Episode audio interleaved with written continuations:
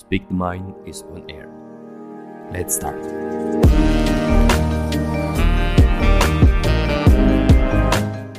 Bismillahirrahmanirrahim. Assalamualaikum warahmatullahi wabarakatuh.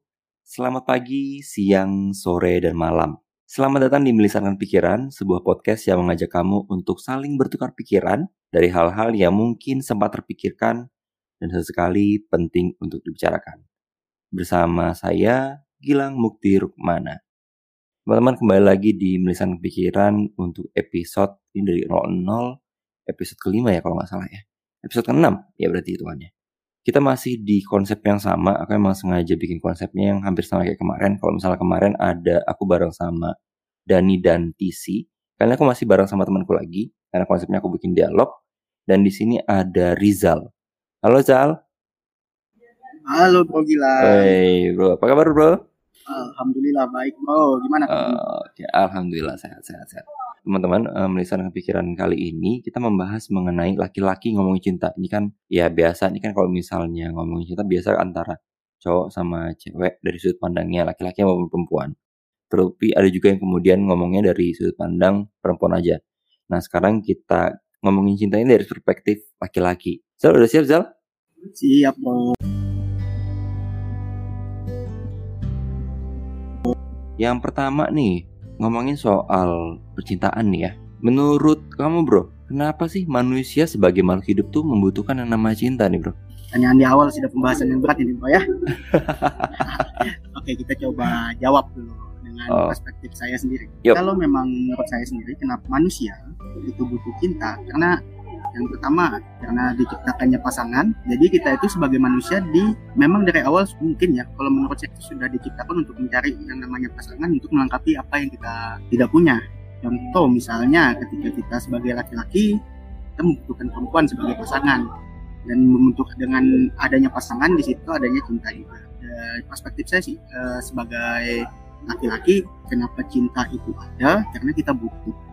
Tapi gini bro, kadar antara gini kan ibaratnya kalau kita ngomongin cinta kan ada namanya suka atau kagum, ada namanya sayang, ada namanya cinta. Nah kamu sendiri bro, seorang Rizal mendefinisikan levelnya ini beda-beda atau semuanya sebenarnya sama aja sih? Eh, jelas berbeda. Yang pertama kagum, kagum itu suka. Biasanya kita di awal pertemuan itu kita merasa itu kagum. Wah kita punya perasaan nih di awal kita ngelihat orangnya dari fisik. Pasti awalnya kita lihat dari fisik. Kalau kita ngelihat awalnya dari fisik itu menurut saya cuma kagum. Kalau kita naik lagi ke level kedua, naik level kedua nih cinta.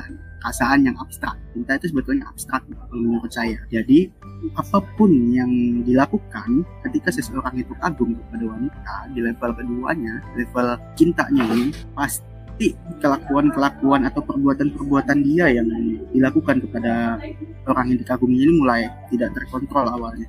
Misalnya awalnya dia itu malu, jadi ya melakukan apa yang disukain ceweknya mungkin disukai lawan jenis yang dia kagumi jadi tidak malu. Nah itu karena eh, muncul mulai muncul benar-benar cinta di situ dari satu orang. Kalau dari keduanya itu biasanya ketika mereka sudah mulai terikat, mereka akan saling melengkapi. Jadi apa pun yang mereka perbuat itu semua dari keputusan bersama. Iya level tiganya berarti sayang ya? Apa cinta? Ya? sayang. Level ketiganya sayang. Oh sayang justru ketiga ya?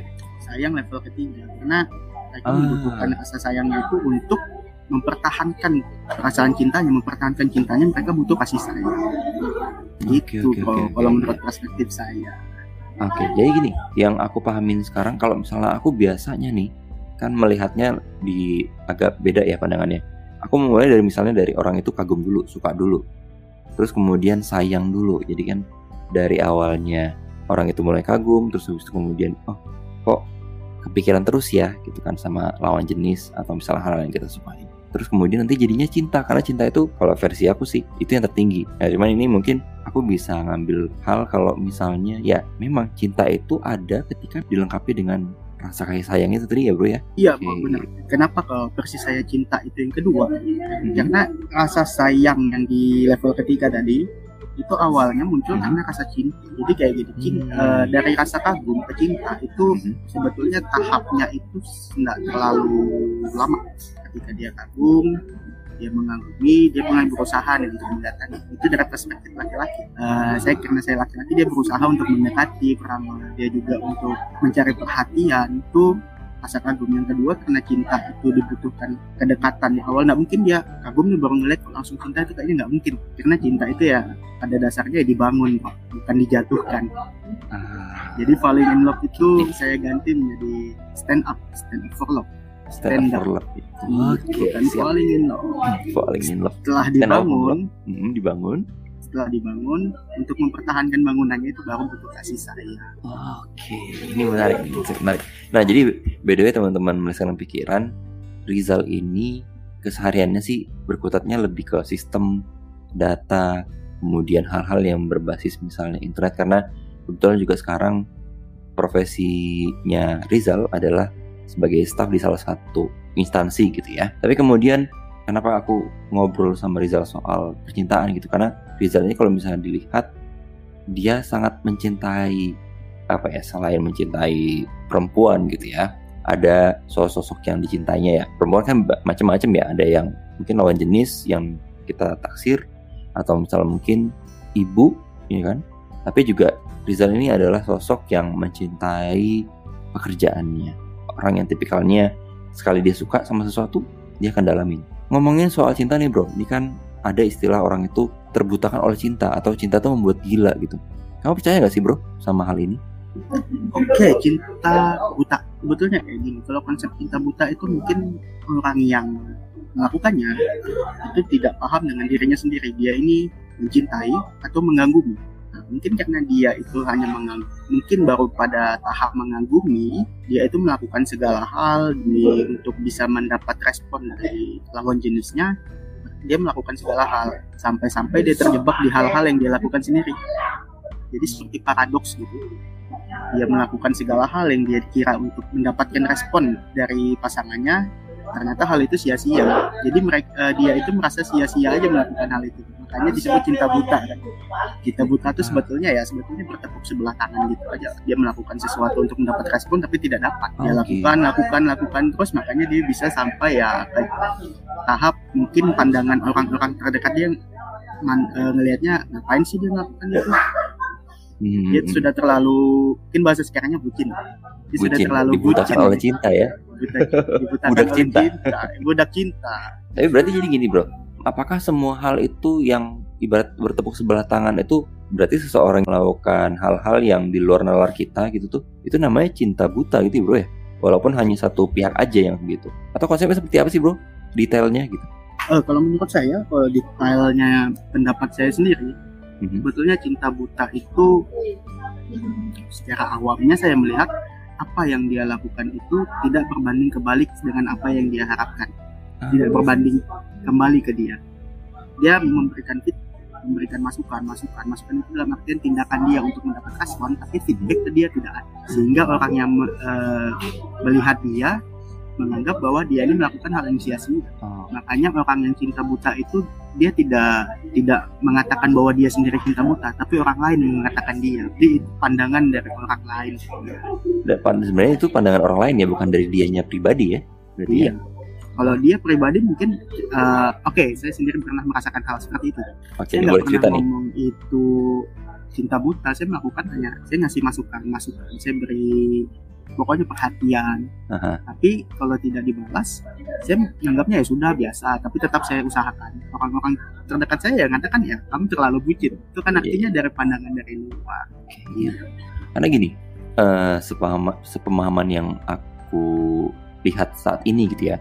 Bahkan dulu pernah sih, kalau misalnya aku bilang, em, aku pernah zaman SMP ya kalau nggak salah masih cinta monyet gitu tuh. Aku suka sama seorang, terus kemudian aku ya ibaratnya cinta monyet nembak beberapa kali, Ya, ditolak gitu sampai akhirnya ketiganya diterima. Tapi setelah aku dewasa, setelah ya mulai masuk SMA, terus habis itu kuliah, terus sampai di posisi sekarang tuh merasa apa ya kalau cinta nggak terkontrol bisa seperti itu gitu apalagi waktu itu kan memang kondisinya masih belum stabil ya masih labil masih remaja labil ini menarik teman-teman jadi kalau misalnya kita lihat cinta buta tuh bener adanya hanya saja itu pandangan orang terhadap ya orang tersebut orang yang mencintai ini sementara yang mencintai ini tidak sadar kalau misalnya dirinya itu sebenarnya sudah dikatakan bucin nah bro tadi kita di awal ngomongin soal percintaan tentang kenapa manusia butuh cinta.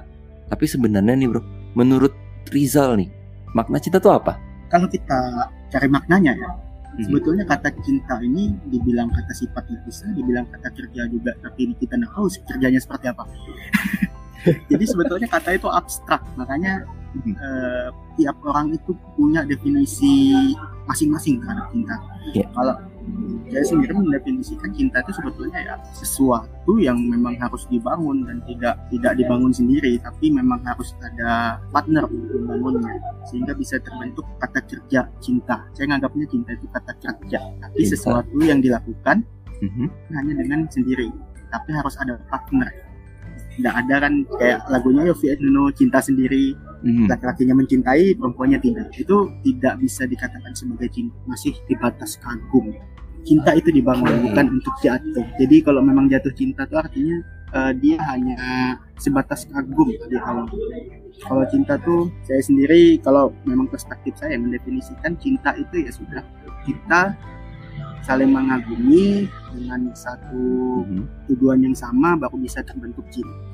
Nah, tapi kemudian gini, aku menganggap cinta ini sebagai suatu perasaan yang tertinggi, singkatnya tertinggi, di mana kemudian seseorang itu, seorang makhluk gitu kan, siapa pun, mau manusia, hewan, tumbuhan, itu kan semua punya cinta sebenarnya. Yang em, dia menerima apa pun yang terjadi tanpa ada paksaan, dan dia tahu konsekuensinya.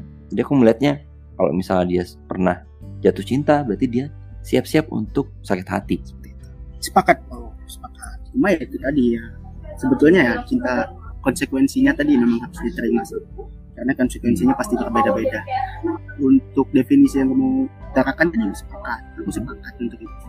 Eh, dan memang ya itu tadi balik di kata-kata awalmu tadi memang definisi yang benarnya untuk cintanya apa sih? Memang masih abstrak dan memang harus mungkin dikaji secara ilmiah untuk bisa mendapatkan definisi yang pas untuk kata cinta. Walaupun sebenarnya kalau misalnya kita lihat ini ya apa sampai saat ini sampai detik ini sekalipun tuh cinta tuh masih abstrak dan bahkan sampai kapan pun spektrum cinta tuh luas banget. Iya, luas eh, bahkan terlalu luas untuk dikaji untuk satu bidang ilmu mungkin ya. Iya betul. Oke, nah bro tadi kan sempat ngomongin soal lagu Yovie Nuno cinta sendiri gitu. Tapi kemudian ada sekarang ibaratnya kan self love ya orang-orang yang melihatnya kita lebih care sama diri kita sendiri. Seberapa penting mencintai diri sendiri tuh bro? Bagi kamu penting atau enggak sih sebenarnya? Oke, self love. Self love itu adalah satu konsep dari psikologi kalau nggak salah ya. Psikologi dari bidang ilmu psikologi. Kalau self love itu kalau bagiku sendiri itu sangat penting karena kita melakukan sesuatu untuk diri kita sendiri. Jadi apa yang kita butuhkan kita penuhi. Jadi misalnya kalau kita merawat tubuh kita, terus itu menjaga kesehatan kita itu salah satu tindakan yang termasuk self love ya, mencintai diri sendiri. Jadi itu sangat penting. Artinya apa yang ada di diri kita dan butuh perhatian khusus dari kita itu kita jalankan dan memang impactnya ya ke diri kita sendiri kan. Jadi itu memang sangat penting untuk kita lakukan. Saya sangat setuju dengan adanya self love itu dengan konsep cinta mencintai diri sendiri. Saya sangat setuju. Gimana sih kemudian membedakan antara yang benar-benar mencintai diri kita sendiri sama orang yang egois bro? Hmm, itu sebetulnya ada batas. Kalau saya sendiri ada batasnya. Hmm, Misalnya kalau kita egois kan kita mau diri kita nih seperti apa. Misalnya saya mau eh, aku mau kaya nih, hmm, tapi kita, aku mau yang caranya yang singkat. Caranya yang singkat kan banyak ya. Kita tahu caranya kaya, untuk kaya dengan cara yang singkat hmm. tanpa proses yang panjang. Nah itu egois.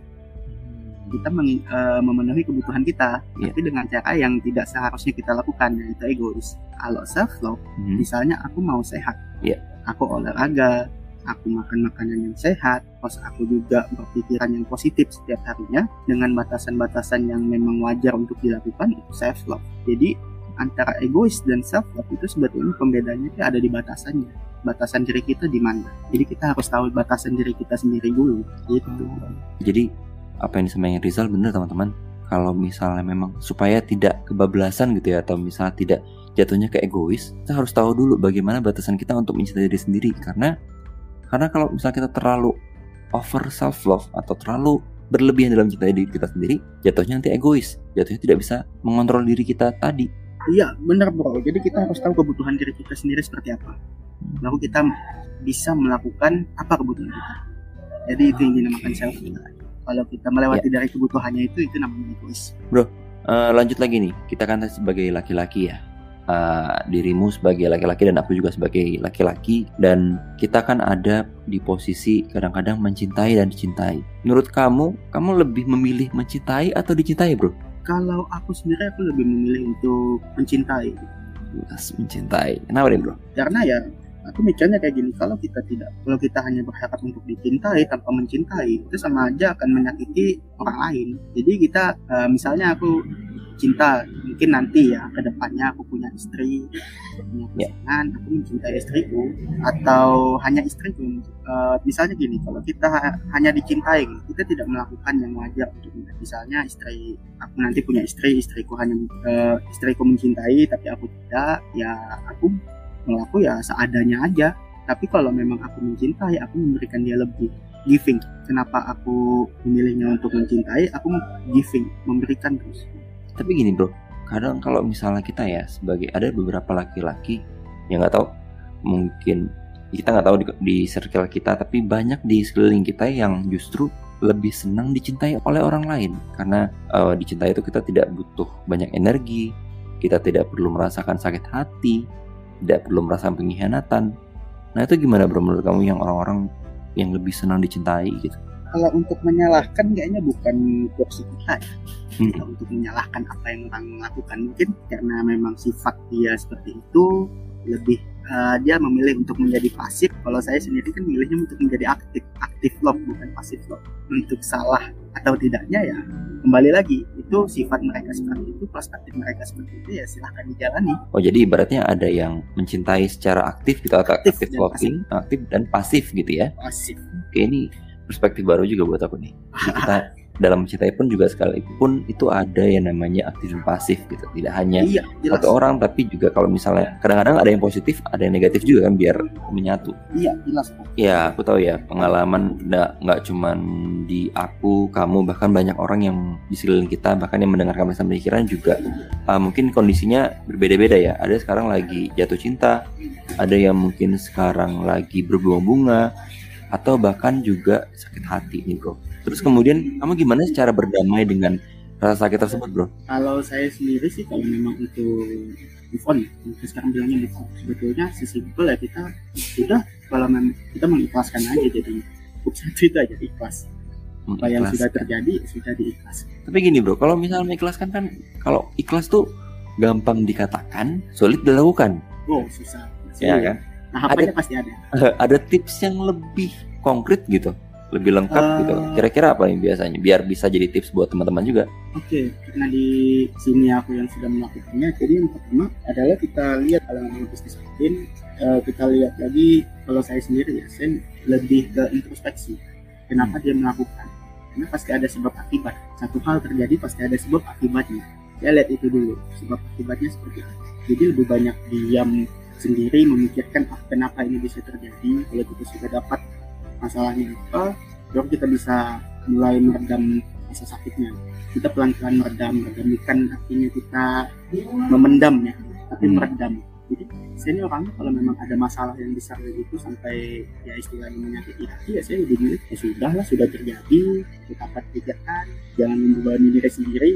Jadi ya easy going santai. Menerima ya bro. Intinya kan menerima dan juga apa ya introspeksi ya bro ya kadang-kadang bukan dia yang salah tapi kita sendiri yang kadang-kadang suka salah gitu kan ya. Tapi kita Iya. nggak sadar. Iya benar.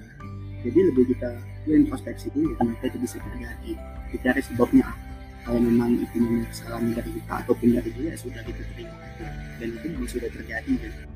Eh, ini kita udah ngomong lumayan panjang lebar soal cintaan nih bro. Cuman kira-kira bisa nggak bro ngasih satu kalimat yang menghubungkan atau menjembatani gitu antara kasih sayang dan rasa cinta. Karena kan kalau tadi bilang di awal cinta rasa cinta itu dirawatnya dengan rasa sayang gitu bro. Nah itu ada nggak bro? Satu kalimat utuh bro. Kalau memang kita ingin mencintai bangun perasaan itu sampai benar-benar utuh terbangun lalu rawatlah perasaan itu dengan kasih sayang. Sedap.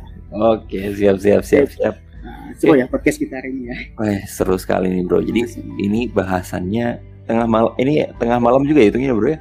Malam kita Jumat lagi ya. podcast tengah malam dan juga emang temanya ini ringan. Tapi kalau misalnya kita dalamin apalagi kalau misalnya laki-laki kan ini lebih ke logika ya. Jadi kita kadang-kadang berpikirnya lewat logika gitu. Ketimbang perempuan yang memang sudah kodratnya ya memang lebih ke perasaan gitu lebih ke intuisi right? intuisi benar oke bro thank you banget makasih banget sudah bersedia uh, hadir aku undang di podcast Melisan Pikiran semoga ini juga menjadi pembelajaran tidak hanya untuk aku untuk Rizal juga tapi juga untuk teman-teman yang mendengarkan melisankan pikiran Hilang pamit dan akhir kata daripada nambah pikiran, mending dibicarakan. Wassalamualaikum warahmatullahi wabarakatuh.